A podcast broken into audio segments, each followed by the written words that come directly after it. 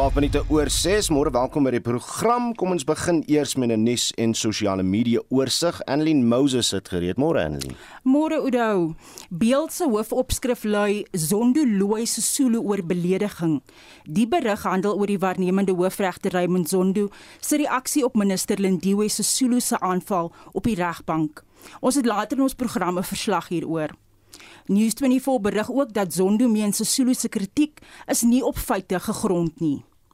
Die burger berig dat die NVG 'n taakspan gestig het om die onthullings in die Zondo verslag te ondersoek.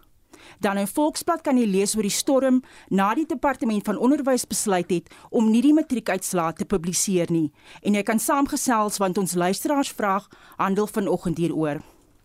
The Herald in die Ooskaap berig op sy nuuswebblad oor die taksiebedryf wat die COVID-19 verligtingfonds van meer as 1 miljard rand aanvaar het. The Witness in KZN berig oor Dr Makosi Koza wat uit Action SA geboonder is. En, en dan berig, ekskuus ja, Udo. En dan berig die Cape Times oor vier gewapende mans wat vasgetrek is na 'n rooftog by die poskantoor op Caledon. Ja, maar dan Annelien en waaroor gesels die mense op sosiale media vanoggend? Lindiwe se Zulu en Zondo is gewilde onderwerpe op Twitter, soos wat ek vroeër gesê het, die herrie het losgebars na 'n Zulu se aanval op die regbank. En dan nog 'n gewilde hitsmerk is Afcon wat al die opwinding van die Afrika Nasie beker vervat. En dit aan Annelien Moses met 'n blitsnuus en sosiale media oorsig. Die nasionale redakteursforum SANE win regsadvies in nadat daar bekend gemaak is dat vanjaar se matriekuitslae nie in die media gepubliseer sal word nie. Die matriekuitslae word op 21 Januarie verwag. Volgens die departement van basiese onderwys is die besluit geneem in die lig van die wet op die beskerming van persoonlike inligting wat op 1 Julie verlede jaar in werking getree het. Dit is nou die sogenaamde Poppia wet. Leerders sal slegs hulle uitslae by die skool kan ontvang waar die eksamen afgelê is. Media-instellings beweer dat hulle eers op 10 Januarie oor die besluit ingelig ingelig is. Nou ons wil vanoggend by jou weet, hoe voel jy oor die departement se besluit? En neem ons 'n bietjie terug toe jy jou uitslaa ontvang het. Waar was jy en op watter manier het jy jou uitslaa ontvang? Oude, waar was jy? 14 van ons van Atlantis Kaapstad toe in 'n taxi en as ek sê taxi bedoel ek nie hier motor ek bedoel taxi. tot ons nou tot hoe laat 4 uur 5 uur die oggend toe die koerante nou inkom uh uitslag gekry. Uh ek was nou natuurlik te te jonk om te drink. So ons het maar nou net deel aangeklets en gekyk hoe lekker die mense daar al jaar. As 'n ouetjie, sy bynaam is Boy. Hy het die ryk van 'n taxi uitgeslaan omdat hy nie sy naam gesien het nie. Toe ons hom wys, eintlik jou naam is daar. Hy fooi tog. Ai, ek wonder waar Boy nou is. Dis dalk hoekom, dis dalk hoekom hulle dit mee doen in die media nie. So hierdie storie. Oud, ek dink hy was oud genoeg om te drink. Sê dit. Ah, nou ja, ek was in welkom op 'n sirkel. Dink snaaks mense wat welkom ken sal weet, maar daar is omtrent net sirkels en twee verkeersligte. Dis waar ons was. Annelien, waar was jy? Ek was in die Kaap. Ook in die Kaap. Ja, op die parade. Dis waar jy wag vir die koerant om uit te kom om jou uitslae te kry voel of ek 'n bietjie uit is want ek was nie in die Kaap nie, maar goed. Uh stuur vir ons 'n SMS by 45889 teen R1.50 per SMS. Waar was jy en op watter manier het jy jou uitslaa ontvang? Wat dink jy um oor die besluit deur die departement dat dit nie in die media sal verskyn nie? En dan deel jy jou mening op Monitor en Spectrum se Facebook bladsy ook of WhatsApp vir ons stemnota na 0765366961 0765366961.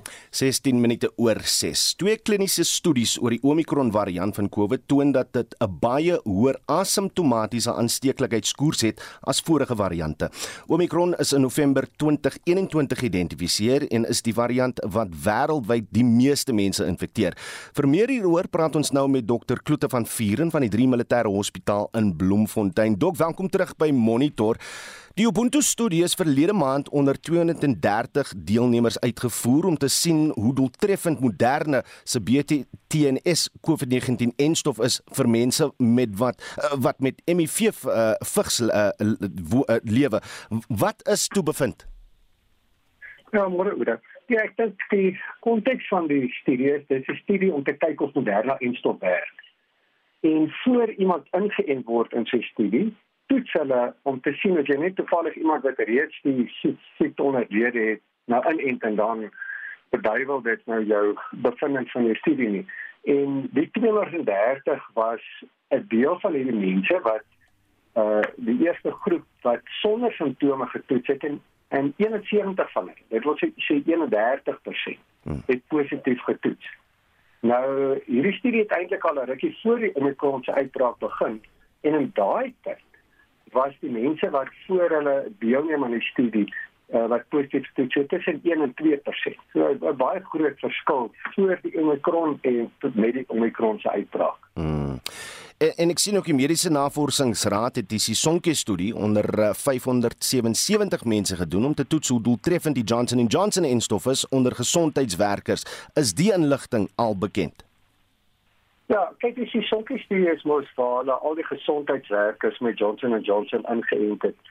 Ja, wat was dit van Maart verlede jaar af. En daar so 500 000 gesondheidswerkers net bietjie minder ingeënt. Nou in 'n substudie van hierdie sesonke het hulle na 1200 gesondheidswerkers gekyk wat reeds ingeënt is en hulle gereeld getoets en van hulle het 577 sonder enige simptome uh positief getoets. Uh en dit is wat nou hier gerapporteer word. So hoeveel meer is Omicron uh aansteeklik as in vergelyking liewer met Beta en Delta en en en van wat ons sien begin ons nou sien dat hierdie virus homself bietjie uitbrand. Ja, oor, oor, kyk, ehm um, die meer aansteeklik bereken hulle op maniere wat hulle kyk hoe vinnig dit versprei nou. Weet ek sukkel om my kinders met hulle wiskunde te help hier staan. Uh hierdie berekeninge is ver bo my vermoë. Maar dit is so meer as 3 maal tot meer as amper 6 maal meer aansteeklik as wat die Delta variant was. Uh en dit is uit data wat uit Suid-Afrika en die Verenigde Koninkryk uitkom, is die berekenings gedoen. Ehm um, nou so dit is baie meer aansteeklik, maar as mens kyk sedert die begin van die epidemie, is die meer as die verwagte aantal sterftes. Hmm. Ehm um, wat gesien is so 290 000. Nou julle het nou die sterftes, bewyse sterftes uh genoem, maar die meer as verwagte sterftes is 290 000. En hierdie sterftes, 50% van dit was tydens die Delta golf geweest. Uh 5% met die Omicron golf. En die res was nou met die Alpha en die Beta golwe. So uh dit alhoewel baie meer aansteeklik is, dit baie baie minder dodelik. Nou die vraag is hoekom? En dit kom nou by die vraag dat uh sal die virus homself uiteindelik uitbrand. Nou dis duidelik dat die Omicron virus minder dodelik is, mm. maar ons moet ook sê dat die Omicron virus kom nou dat daar baie meer immuniteit is.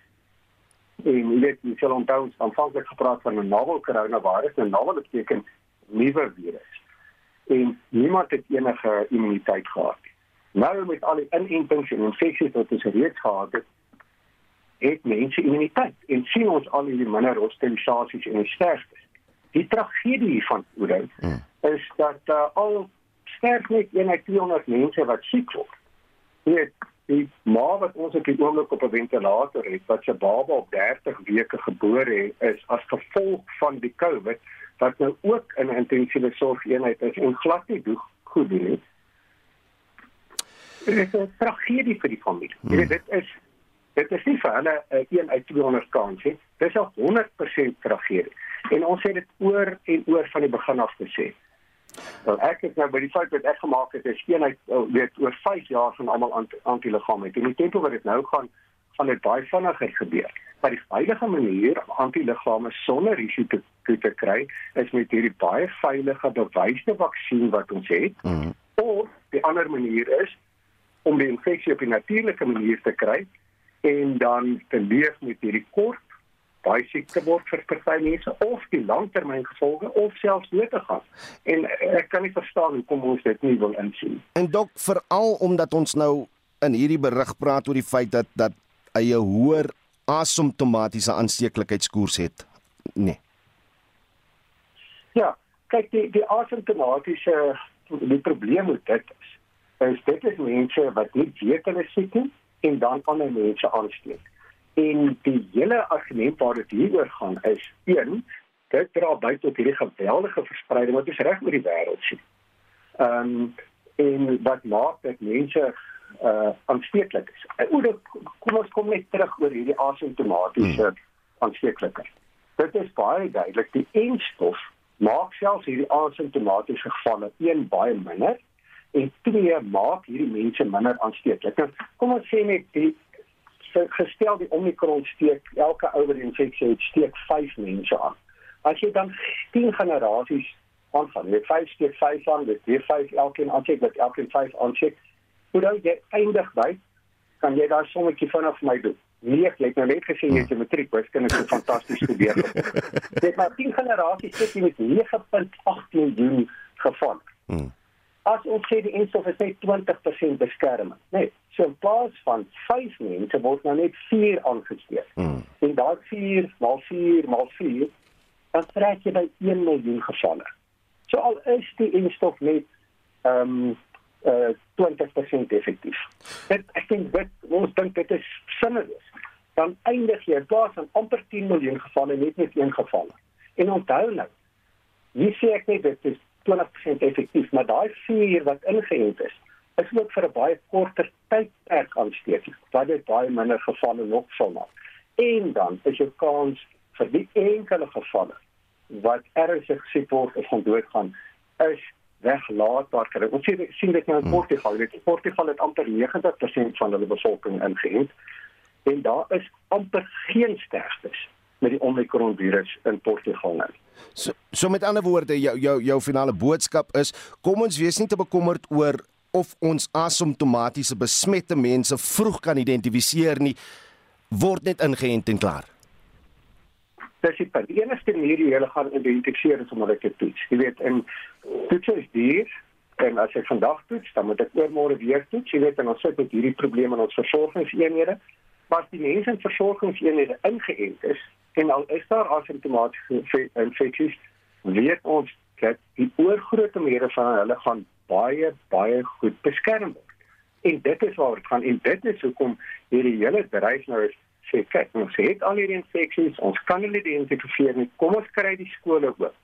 Kom ons kry die ekonomie weer in gang. Maar terwyl ons dit doen wees ons verantwoordelik beperk bietjie binne eh, binne baie samedromme laat die kinders in skole hulle maskers dra maar kry die skole oop met goeie ventilasie stop hierdie onsinnige gehandewassery en temperatuurmetings en ligte wat in die kamers klaskamers het. Kan ek verstaan party skole uh, uh, ons smet nog die klaskamers en die skoolbanke. Dit is totaal onsinnig. Maar ons het daarmee begin. Die wetenskap het ontwikkel. Ons het die kennis nou ons weet wat hoe werk dit. En ten spyte daarvan doen ons dit nog so terwyl al wat ons moet doen is kry die kinders ingeënt kry die volwassenes ingeënt en wees verantwoordelik en kry die lewe aan die gang Net laaste vragie, ons het nou gehoor van Delta, ons het nou gehoor van Omicron. Wat is Delta Krom en hoe bekommerd is jy? vaste bekommernis oor dit is dis nou dis nou wat hulle noem 'n windeier. so ek dink wetenskaplikes in Cyprus het 'n aanhalingstekens hierdie nuwe virus ontdek. En uh, wat en dit bevat net beide elemente van Omicron en die Delta virus. En dit het nou hierdie reuse gefladder in die hoenderhok uh veroorsaak. Weet hierdie gat ons al weer. Maar dit het aan aan die lig gekom dat wat eintlik hier gebeur het, was dit was 'n fout in die laboratorium en hulle het hierdie data nou reeds onttrek en en en wie weet die ouens wat gesê dit is 'n fout is van die Suid-Afrikaanse wetenskaplikes saam met 'n klomp ander mense. Uh en die probleem hier is is dat iemand in die verlede iets sou publiseer, mense sou dit evalueer, die foute daarop uitwys, hulle kan dit regmaak. Uh in hierdie moderne eeu waar ons sit, hierdie ouens het dit gepubliseer en volgende oomblik hardloop die hele wêreld vol. Uh dit is 'n klomp nonsens. Dit daar bestaan nie so iets nie. Hulle het 'n fout gemaak. Hulle het dit nou erken. Um, en wat my baie uh trots maak is die ongelooflike kwaliteitsbeheer wat ons in Suid-Afrikaanse laboratoriums het om te keer dat sulke foute insluit en dit op te tel en dit reg te stel. Ehm uh, nou ja, maar wie sê ons en uh ons moet nou maar ek hoor op al wat die radiostasies praat hulle daaroor, maar is nonsens. Ja, twee windeiers in 2 weke saam met jou uh, dokter Kloete van Vuren baie dankie vir vanoggend se insig. Uh en dokter Kloete van Vuren natuurlik van 3 Militêre Hospitaal in Bloemfontein. 27 minute oor 6 nog hoofnuus vandag waarnemende hoofregter Raymond Zondo sê regters sal in ooreenstemming met hulle ampseed met hulle werk voortgaan ondanks voortdurende aanvalle op die regbank. Zondo het gister 'n nuuskonferensie toegespreek in reaksie op die minister van toerisme Lindiwe Sisulu se omstrede meningsstuk. Hi Mzansi have we seen justice wat op die webwerf IOL gepubliseer is waarin sy die land se regters se morele standaarde bevraagteken. Sy het na regters oor die algemeen op 'n verkleinerende en rassistiese wyse verwys en na swart regters as sogenaamde house negroes verwys. Zondo sê hy was geskok oor Sisulu se artikel veral gegee haar senior rol in die regering. Annelien Moses het die verslag saamgestel. Mr. Sulu has insulted us and we as the judiciary have done nothing other than doing our job. Waarnemende hoofregter Zondo sê Sesulu se meningsstuk wat vra dat die regstelsel 'n totale gedaanteverwisseling ondergaan, gee geen feite of ontleding nie. This is not criticism. It is an insult to the justices of the Constitutional Court, the judges of the Supreme Court of Appeal, the judges president of the various divisions of the High Court, and all the African judges who serve this country with distinction, with determination to uphold the Constitution is most regrettable. I would have expected at least that if she held the views that she holds here, she would at least have some facts to back up what she is saying. Zondo wat op die kortlys is vir die posisie van hoofregter sê regters sal hul werk doen volgens hul ampseed ondanks aanvalle op die regbank. Mr. Sulu might not like some of the decisions we make, but we take that oath seriously and the judiciary will continue to do its work in accordance with the oath of office that we take. If some people don't like it, don't like the decisions we take in accordance with that oath, that is their problem. We will not change that. We will continue to perform our functions in accordance with our oath of office. Zondo sê hy hoop Sesulu trek haar woorde terug en vra om verskoning. I have not engaged with her. She didn't uh, engage with the judiciary before she wrote the article. So we are responding to what she has said. We find it completely unacceptable. And there is no plan to engage with her unless she engages, she wishes to engage with us and maybe explain herself or withdraw and uh, apologize for what I see certainly as something completely unacceptable. Intussen het verskeie burgerregte organisasies hulle skok met Sesulu se aanval uitgespreek. Die ANC het hom van haar uitlatings gedistansieer. Hierdie verslag deur Zoleka Kodashe in Johannesburg en ek is Annelien Moses vir SAK nuus. Ons praat later in die program met 'n politieke ontleder hieroor. Presies 6:33. Waar was jy toe jy jou matriekuitslae ontvang het? Dis een deel van die vraag wat ons julle vanoggend vra. Estie, wat sê ons luisteraars? Udo Chrissy van der Merwe skryf: "Ons het 'n kaart deur die pos gekry en ons was vriende met die posmeester en sy seun wat saam met my in matriek was en hy het al 5:00 die oggend vir my die uitslaa gebring." En Johan Oberholzer laat weet: "Gelukkig moes ek nie wag tot diep in die nuwe jaar vir my uitslaa nie. Voor Kersfees kon ons al rustig slaap." En Johan Slut Slut De Villiers sê uh oor die vraag oor uh, of die uitslaa in die koerant bekend gemaak moet word. Hy vra in watter land moet leerders nogal uitslaa in koerante kry? Dit is 'n goeie besluit van die departement van onderwys om dit nie meer in die media bekend te maak nie. En Morney van der Berg skryf: Dit is 'n swak besluit so laat in die dag, maar mense wat nie weet wat by 'n koerant aangaan nie, sal dit nie begryp nie. En ons praat hier van die plasing van nommers met uitslaa. Dis nie asof mense wat net die kandidate en hulle nommers ken nie, die uitslaa sal kan uitmaak nie. Dit het tog 'n impak op die verkope van koerante en swakker verkope het 'n impak op die bedryf. Ons wil vanoggend by jou weet, hoe voel jy oor die departement van basiese onderwys se besluit dat die matriekuitslae nie vanjaar in die media gepubliseer gaan word nie en dat leerders slegs hulle uitslae sal kan ontvang by die skool waar hulle die eksamen afgelê het. En dan neem ons bietjie terug toe jy jou uitslae ontvang het. Waar was jy en op watter manier? Het jy jou uitslaa ontvang.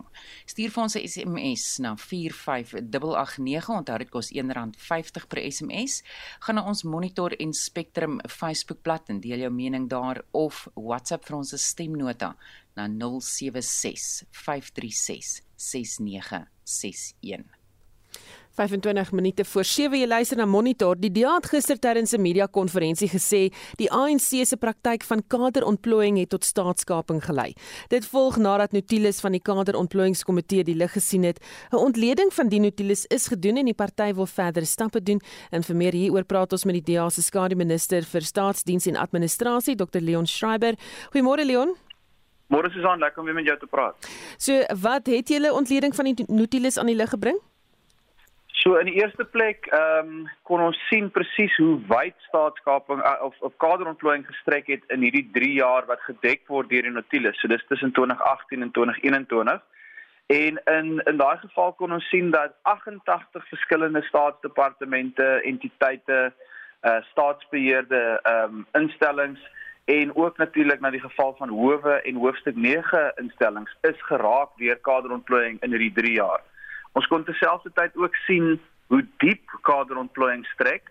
So uh, ons ons weet nou reeds dat ehm um, aanbevelings gemaak is oor grondwet of regters en oor die voorsitters byvoorbeeld van staatsbeheerde entiteite, maar ons kon sien dat dit so diep gaan as adjunk direkteurs-generaal in sekere geval. So jy jy begin raak aan die aan die middelvlak bestuur in die staatsdiens ook met kaderontplooiing in hierdie 3 jaar. En natuurlik die ander groot bevinding is dat lojaliteit aan die ANC in verskeie gevalle 'n deurslaggewende faktor was. So jy sien verwysings na uh, mense wat wat lojaal is aan die ANC, mense wat lede is van die ANC, ehm um, die die behoefte aan aan kaders in in sekere posisies.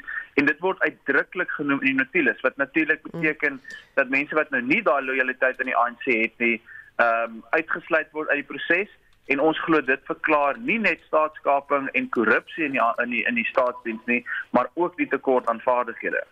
Wat wil julle hê moet nou gedoen word? So ons eerste stap um, is dat die staatsdienskommissie nou moet kyk na die analise wat ons gedoen het en gaan kyk na elk van hierdie 88 aanstellings en daar waar die staatsdienskommissie die magte het om te kyk of daai goed of daai aanstellings uh, tersyde gestel behoort te word en of daai proses oor moet begin. Maar dit is net die eerste stap in wat ons glo maande en selfs dalk nog die res van hierdie jaar ehm um, in beslag sal neem met 'n veldtog om hierdie geleentheid te gebruik. En die feit dat ons nou vir die eerste keer in 27 jaar hierdie harde bewyse het ehm um, oor wat kaderontplooiing is, hoe dit werk en hoe dit diskrimineer teen uh, aansoekers wat nie lojaal is of of of of die binnebaan het by die ANC nie ehm um, dat ons dit kan gebruik om om kaderontplooiing te stop. So ja. ons begin by die staatsdienskommissie. Ons doen ook 'n beroep vir 'n 'n debat van nasionale belang oor hierdie kwessie in die parlement. Maar ons hoop dat eh uh, die volgende verslag van die Zondo-kommissie ook hierdie kwessie ehm um, uh, reguit sal aanspreek en dat dit ons hand sal sterk vorentoe vir moontlike regsaksie of enige ander aksie wat ons kan neem om kaderontplooiing te stop. Die Nautilus wat bekend is strek van 2018 tot 2021, wat dink jy hou die Nautilus van voor die tydperk in? Wel, 'n mens kan 'n goeie raaiskoot neem nou op grond van wat ons sien in hierdie Nautilus uh en en hoe die komitee te werk gaan. So uh die DA gaan voort met ons hofsaak wat ons reeds uh verlede jaar begin het teen die ANC self waar hulle geweier het om vir ons Nautilus te gee tot sover terug as 2013. Nou ons weet tussen 2013 en 2018 was president Ramaphosa die voorsitter van die kaderontplooiingskomitee. En as ons kyk na wat in hierdie notules is, dan lyk dit uiters waarskynlik dat die president en die ontplooiingskomitee wat onder uh oud-president Jacob Zuma gefunksioneer het, waarskynlik betrokke was in die ontplooiing van baie van die mense wat nou uh geïmpliseer word in staatskaping uh destyds. So dit is hoekom dit so belangrik is dat ons ook teruggaan en daai Zuma periode dek want dit is toe en ons moet verstaan dat Afrikaners het 'n reg om te verstaan wat se rol president Ramaphosa ook gespeel het as voorsitter van die kaderontplooiingskomitee in daai tydperk. Baie dankie. Dit was die Diaskadi minister vir die staatsdiens en administrasie Dr Leon Schreiber. Kom ons bly vir nou eers met hierdie storie. Ons praat nou met professor Dirk Coetzee van die Departement Politieke Wetenskap aan Unisa. Dirk, môre welkom terug by Monitor. Uh, jy het nou geluister. Daar stem jy saam met die stampe wat die wat die DA wil wil neem aangaande ANC kaderontplooiing? Ja, ek dink as oppositiepartye is dit hulle verantwoordelikheid om sulke tipe van stappe te neem. Ehm um, dit is 'n bekende feit van dat dat dit dat dit deel van die ANC se beleid vir baie jare reeds is. En ek dink wat wat nou hier te sprake is, is nie noodwendig dat daar kaderontplooiing bestaan nie, maar wat die impak daarvan is. Wat is die prosedures wat gevolg word? Ehm um, rondom ehm um, kaderontplooiing. Ehm um, het dit um, die besluite van die, die komitee van die ANC, die politieke komitee, het dit die tipe van finale seggenskap oor besluitneming of is dit 'n inset wat plaasvind? Ehm um, byvoorbeeld as 'n regter aangestel word en daar word na na dit daarna verwys beteken dit dat die geregtelike dienskommissie eintlik geen sê het hmm. in die aanstelling van regters nie, maar dat dit 'n absolute besluit is wat reeds deur die ANC geneem is. As jy mens kyk na die regtelike dienskommissie byvoorbeeld dan dit baie onwaarskynlik dat dit die geval is, maar op papier as jy kyk na die notules van hierdie komitee dan lyk dit asof die ANC 'n groot sê daarin. So daar's nog baie werk in terme van interpretasie van navorsing wat nodig gaan wees sodat die DA by die punt gaan kom wat hulle kan sê wel ons is absoluut seker dat kaderontplooiing is die die deurslaggewende faktor en nie een van die belangrike insette wat plaasvind nie. So dit is belangrik. Um, ons weet dat tydens die Zondo-kommissie het president Ramaphosa self baie getuienis gegee um oor die rol wat hy gespeel het as voorsitter in die komitee wat hy toe gelei het van die ANC in hierdie verband. So 'n 'n groot klomp inligting wat reeds bekend gewees, maar ek dink hierdie is 'n is 'n verdere stap om groter duidelikheid daaroor te kry. Goed, ons het vroeër berig oor die minister van toerisme Lindiwe Sisulu se streamende aanval op die regbank en waarnemende hoofregter Zondo se ewige reaksie hierop. Stem jy saam met Zondo dat haar meningsstuk nie op feite gegrond is nie? Wel, as mens Dit is natuurlik baie moeilik om omdat dit nie noodwendig alles oor feite gaan nie. Dit gaan oor interpretasie en in die grootste gedeelte van haar um, stuk wat sy geskryf het is is 'n meningsstuk.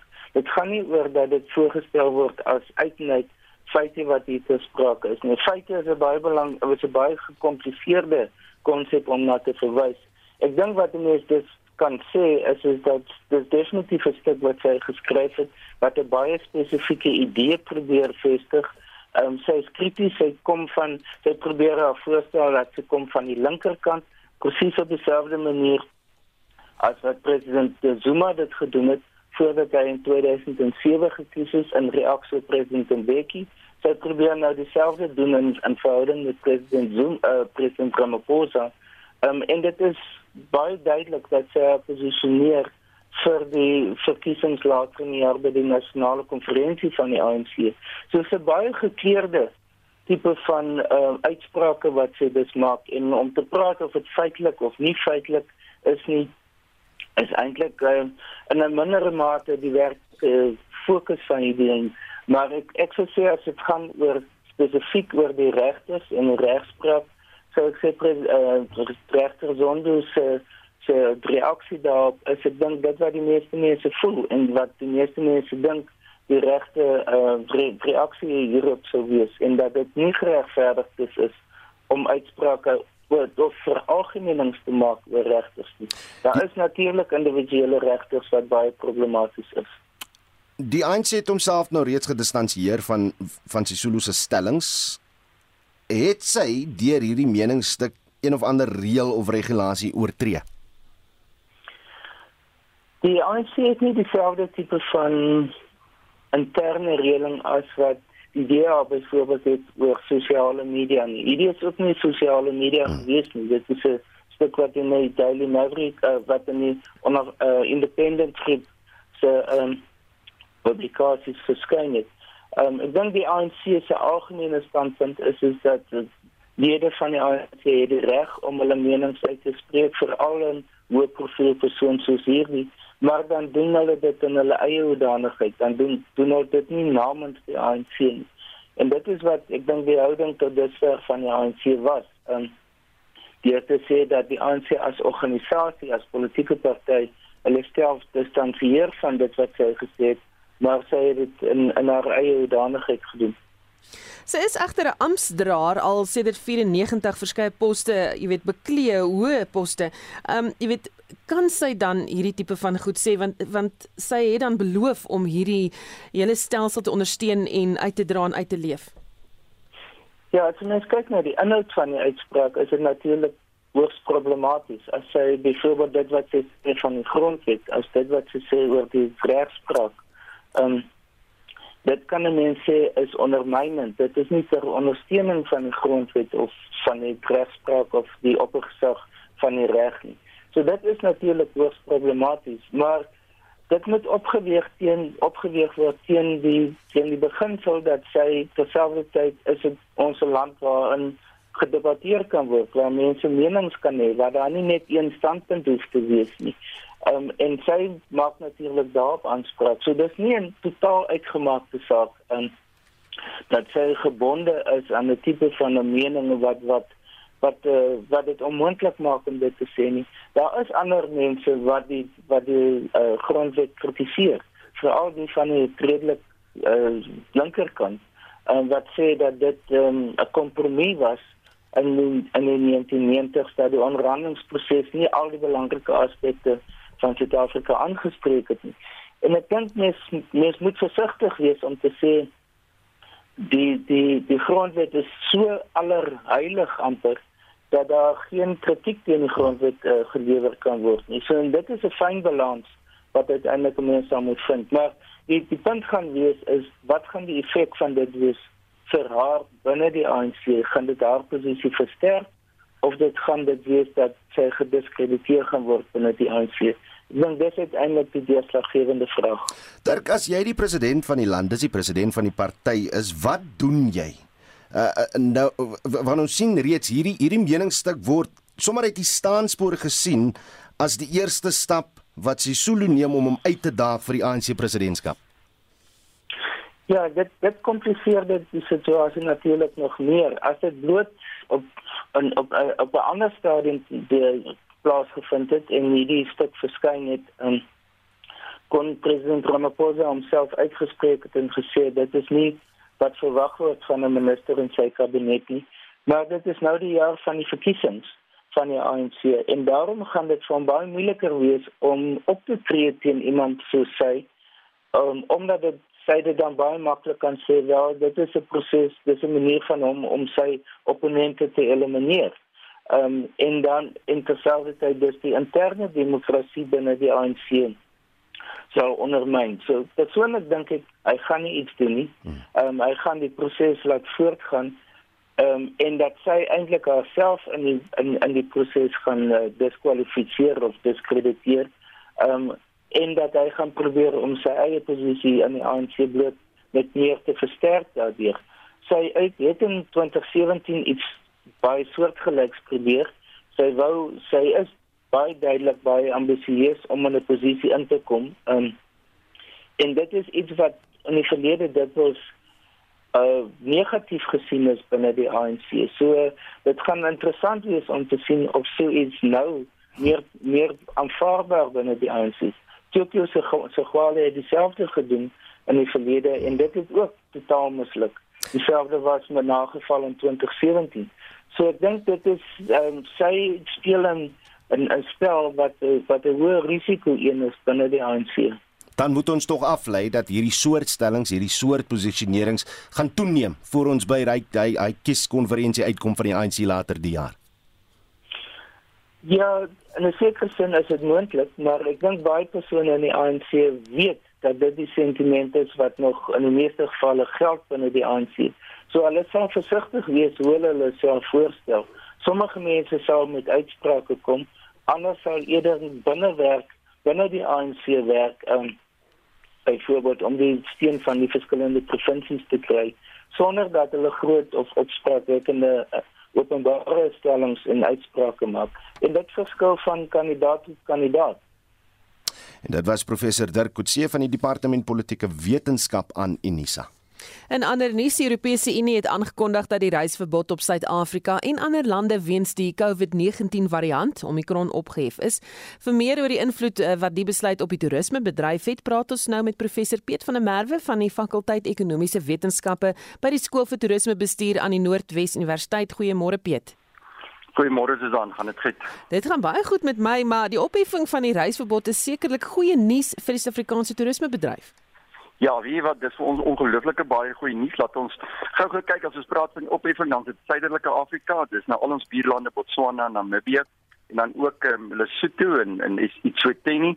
So daai lande almal hier in Suidelike Afrika is is dit opgehef en dis vir ons ongelooflike goeie nuus laat dat ons weer toeriste daarvan af kan kry of van Europa kan kry. Ja, beteken dit noodwendig dat Europese reisigers na Suid-Afrika sal stroom of sal hulle ligtig wees?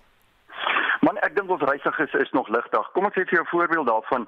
Ehm um, en en dan dis in gevalle selfs hier van vriende van my en mense wat ek weet wat wat om Suid-Afrika sou uitgereis het. Onthou jy nog steeds daai eh, ehm um, die die die COVID toets doen, nê? Ehm um, en en ou met 72 uur voor die tyd daai toets doen voor hy kan gaan. En baie ons wys hier simptome nie en nou toets hulle positief voor hulle kan uitreis en nou moet hulle alles kanselleer.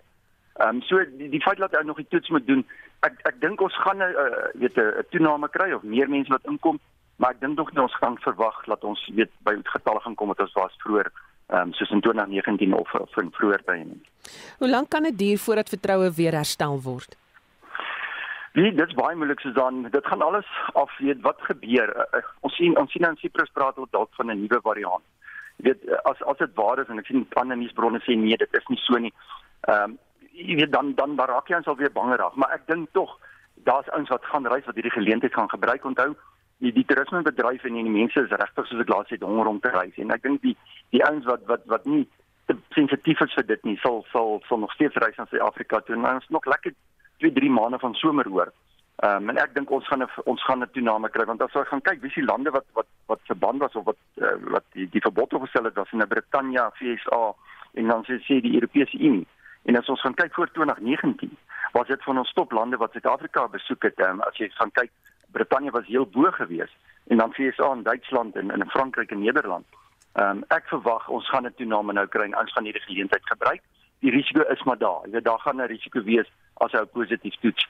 Uh, dan gaan jy die goed kanselleer. So van die ouens dink ek gaan nog steeds bang wees vir dit. Kan 'n mens die skade beraam wat berokken is toe die reisverbod weens die Omicron variant ingestel is? Kom ek sê ja, ek nie presies uh, uh, weet op die nommer nie, maar ek sien van die bronne wat ek na gekyk het soos die Business Insider uh, wat in 21 Desember 'n berig geskryf het, ja, hulle hulle vermoed dat die Omicron variant uh, kan tot en met 200 000 werksgeleenthede kan in slag gebly. Hulle het 'n beraming van 25 miljard gemaak wat ons kan verloor in die bedryf. As ons gaan kyk na voor Covid, het ons omtrent 451 miljard 'n jaar uit toerisme uitgekry. Waarvan 73% van daardie bedrag was Suid-Afrikaanse reisigers en 100 ag in in in 27% buitelandse reisigers. So dit sit vir ons op 121 miljard wat ons verloor uh, in 'n jaar want on, onthou ons is ons is nog eers op op 10 of 15% van wat ons was nie. Uh um, voor Covid nie van buitelandse reisigers. So ons verloor ongelooflik gelooflik baie geld. Ek sien ook 'n berig wat die Washington Post sê ehm um, dat hulle reken tot en met uh Desember 2021 is dit omtrent 1.6 triljoen of uh, uh, wat ons verloor het op in die toerismebedryf. En dan sal Suid-Afrikaners wat na EU lande reis steeds aan sekere gesondheidsmaatreëls onderwerp word. Ja, dit is presies wat nou gesê het. Ek, ek ek weet van mense wat sou gereis het ehm um, en en die kinders of iemand toets positief in die reisgroep, dan kan daai ou nie reis nie, nee. Dan sit hy met 'n dilemma. Ehm um, en en nou is hy ouens versigtig om te gaan want hulle hulle hulle verloor geld uh as hulle reis want want van die kaartjies is nou nie meer dieselfde pryse as toe hulle geboek het nie. Ehm um, en dit lyk ook van tydker of of of die prys hoër gaan as as jy nou 'n uh, voucher het om te boek. So die ouens is maar versigtig om om uit te gaan. Baie dankie. Dit was professor Piet van der Merwe van die fakulteit Ekonomiese Wetenskappe by die Skool vir Toerismebestuur aan die Noordwes Universiteit. Ja, dit blyk alles is vanoggend versper. Is die wat sê ons luisteraars môre? Môre Oudo Daniel van Wyk skryf die koerante wil hulle verkoopsyfers verhoog en daarom dring hulle aan daarop dat die uitslaa in 'n koerant gepubliseer moet word. En Leroux Bessinger laat weet vir ons ek voel baie goed oor die besluit want ek het matriek gedryp. Ongelukkig in ons plattelandse dorp het hulle gou uitgewerk dat ek dit nie gemaak het nie. Ek kan nou daaroor lag. Martiens Fourie laat weet dit is 'n goeie besluit. Dit was nog altyd sinneloos omdat 'n mens tog die uitslaa ook op ander maniere kan kry.